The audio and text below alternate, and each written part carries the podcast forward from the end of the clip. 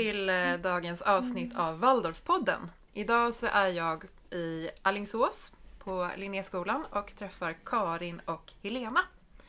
Välkomna! Tack så mycket! Tack så mycket!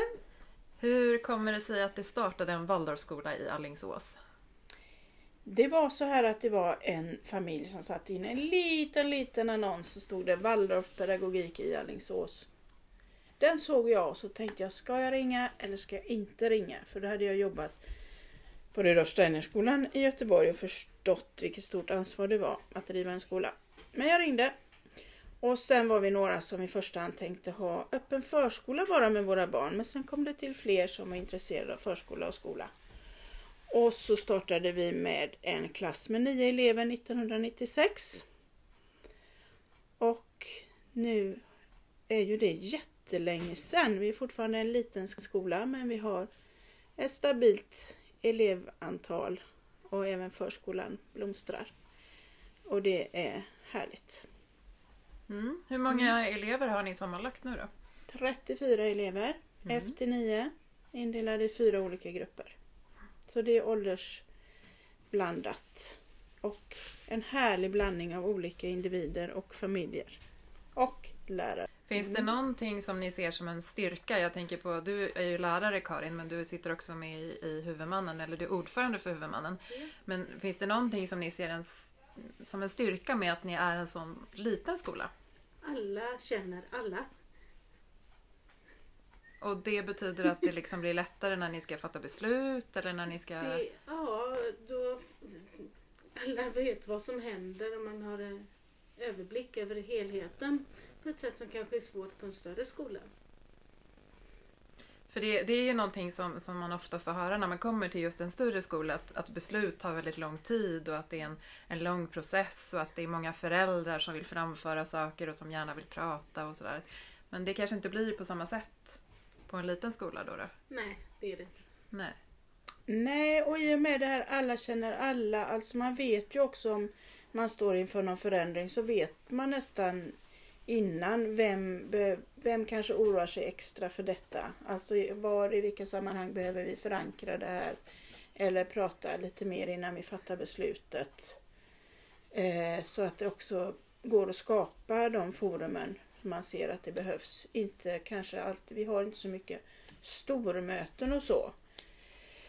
Och mycket är det ju med elever, alltså om det är särskilda behov eller så, alltså att man hittar, vi har väldigt många föräldrasamtal helt enkelt, både i att vi möts och på telefon.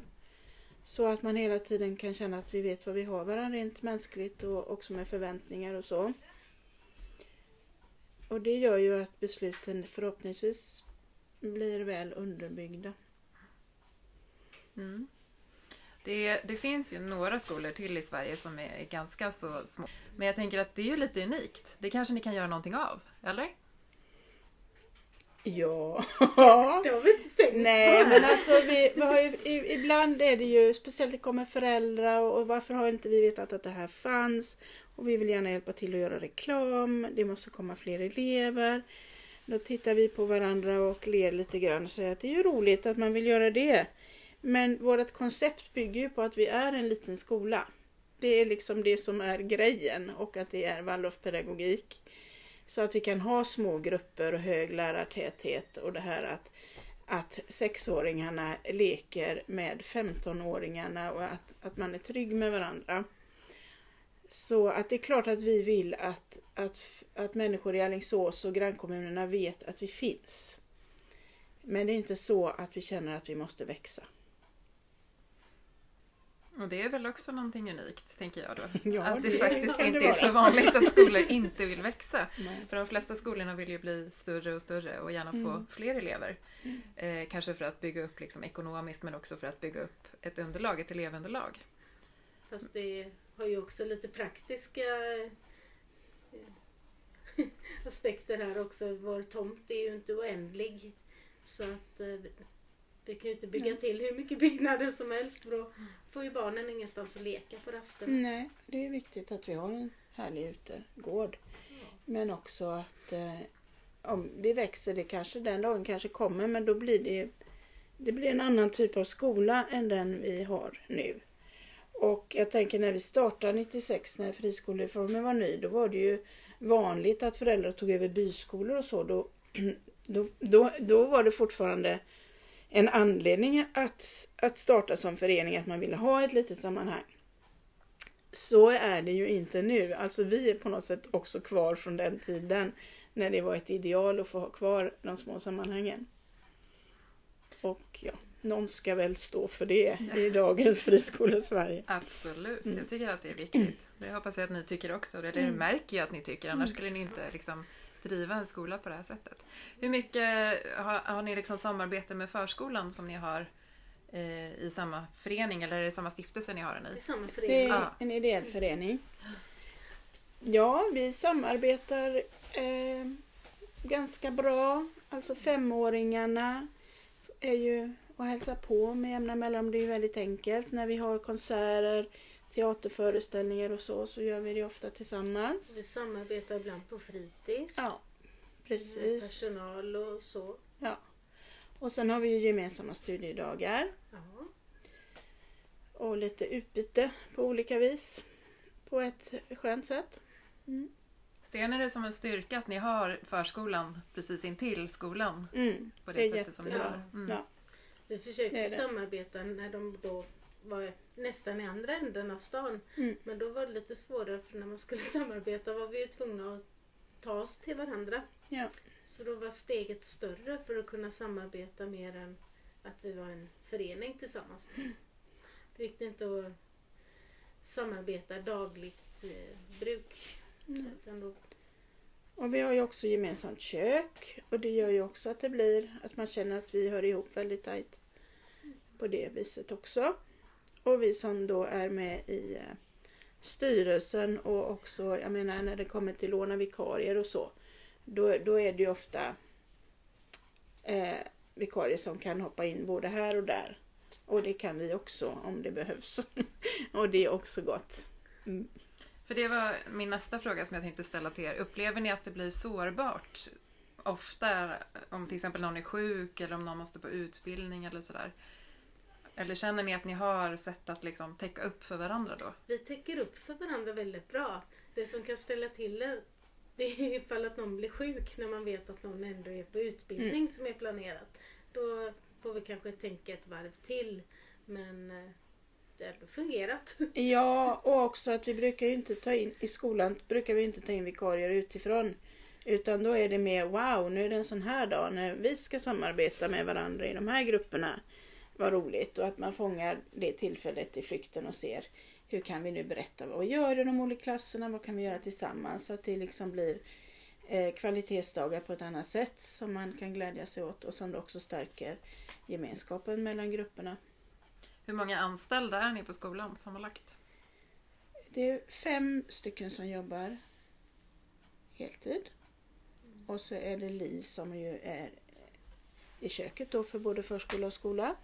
Och sen har vi nu ungefär en halvtid på fritids. Mm. Gör ni några så här samarbeten med andra skolor runt om i Alingsås? Eller är det mest att ni är för er själva? Ja, idag till exempel så är det elever som är iväg på kickoffen för ungdomsfullmäktige som är ett stort samarbete mellan högstadieskolorna i Alingsås. Som vi brukar vara väldigt aktiva i.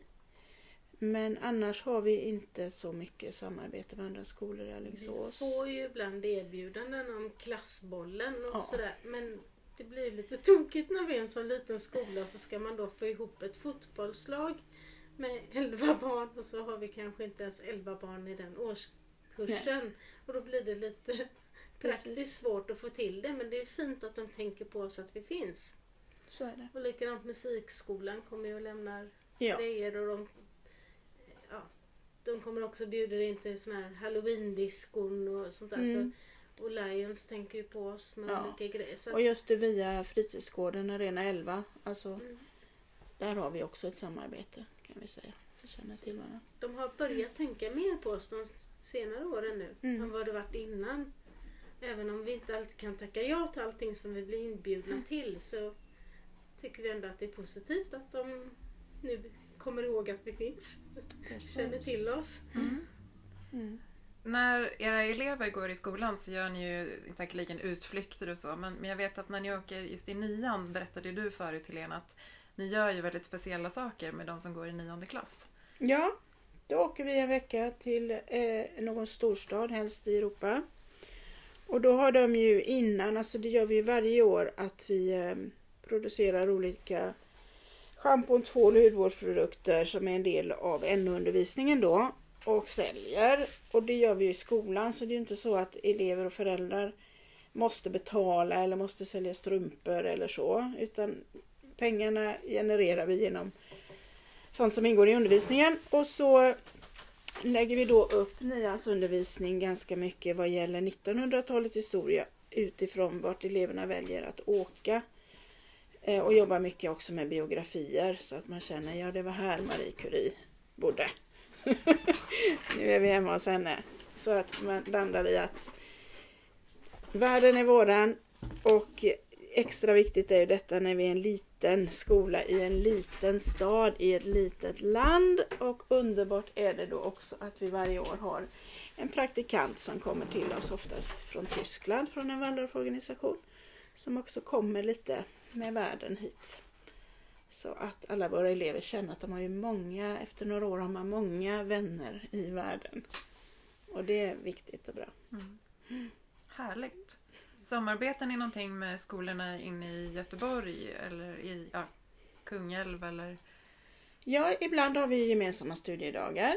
Och annars är det lite mer utifrån vem man känner och vad som uppstår utifrån det och så. Det blir lite olika från år till år. Mm. Är det någonting som ni saknar just vad det gäller sådär samarbete eller att liksom få stöd på något sätt från andra skolor eller att någonting som ni känner så här, det där vore skönt om det bara liksom kom till oss någonstans ifrån? Jag tror inte vi är vana att tänka att någonting kommer till oss Nej. någonstans Nej. ifrån. Det, det är så när man jobbar så här, eller hur? Det, man är så van att sköta allting själv kanske. Så att, Ja, och sen är det väl eh, i viss mån är det också härligt och ja, man tänker det här är en frihetens pedagogik. Att vi utformar den efter platsen, efter de barn vi har. Det blir olika varje år. Vi är alltid väldigt sena med att tala om hur grupperna blir i början på ett nytt läsår och vilken lärare som har vilken klass. för sig, det vet inte vi än. Vi vet inte riktigt vilka som börjar och hur det ser ut. Så någon gång fram i juni i bästa fall. För vi, man får anpassa sig eftersom det som är. Och tänka att någonstans finns det en plan. Vi ska bara få syn på den men vi ska inte krysta fram någonting i onödan. Eh, och på det viset förhålla sig flexibelt och samtidigt naturligtvis är det mycket lagar och förordningar och eh, inte bara vad gäller skollagen utan miljö och hälsa och räddningstjänst. Alltså det är ju mycket runt som man måste ha väldigt koll på. Men precis som vi planerar våra skoldagar, så här ska vi göra idag. Det här är våra viktiga teman. Nej, nu blev det på ett helt annat sätt. Okej, då gör vi det som är möjligt och bra idag. Att det på något sätt, det är så vi jobbar. Vi är duktiga på att se förutsättningar där kanske andra människor ser problem det tycker jag var väldigt bra sagt, måste jag säga. Och också det som du sa. Jag tänker att de som arbetar på skolan, de måste ju vara otroligt flexibla. Och det är ju en, en enorm styrka, att kunna vara så flexibel. Ja, För att jag tänker att om man jobbar på en skola där det, där det är lite större så kanske man vet att okej, idag ser min dag ut Mm. så här och det kommer inte att ändra sig för jag har flera andra kollegor som ska komma in Mm. och undervisa eller så. Men, men det, det är ju också en, en, en annan känsla att ha det så, tänker jag man kan väl säga som så att de människorna som inte var så flexibla kanske inte jobbade här så länge. Nej, för det är ju en nackdel i det också att det kan bli att man känner Jag menar, det det är säkert enklare för oss som på något sätt hör till skolledningen. Har varit här länge, är vana vid att ja, men det ordnar sig. Oj, vad spännande det blev idag. Hoppsan! Och så säger man på eftermiddagen, men vilken härlig dag det blev. Här hade vi ingen aning om igår när vi gick hem att det skulle bli så här idag. Men det är ju också för att vi har den erfarenheten. Och är faktiskt också med och bestämmer. Det kan vara svårare när man kommer och tänker jag har den här uppgiften och sen nej, nej det hade jag kanske inte. Alltså det är inte alltid jätteenkelt om vi ska säga sanningen. Eh, men jag tänker att det utgår också just från det här att alla känner alla som du sa Karin. För jag tänker, idag är det vi och vad är möjligt nu? Och sen har vi ju, jag menar, all vår kunskap om ämnena och kursplanen och allt vi ska göra. Men att det ändå utgår från gemenskapen. Och när man liksom kan slappna av och landa i det, då blir det roligt. Och alla känner, då är det ju även att eleverna känner ju varandra också och är trygga i det. Mm. Och eleverna känner ju alla oss vuxna. Så att om någon är sjuk eller borta så är det ju inte en främmande människa som kommer in och vikarierar. Utan då får man bara se en ny sida utav den personen.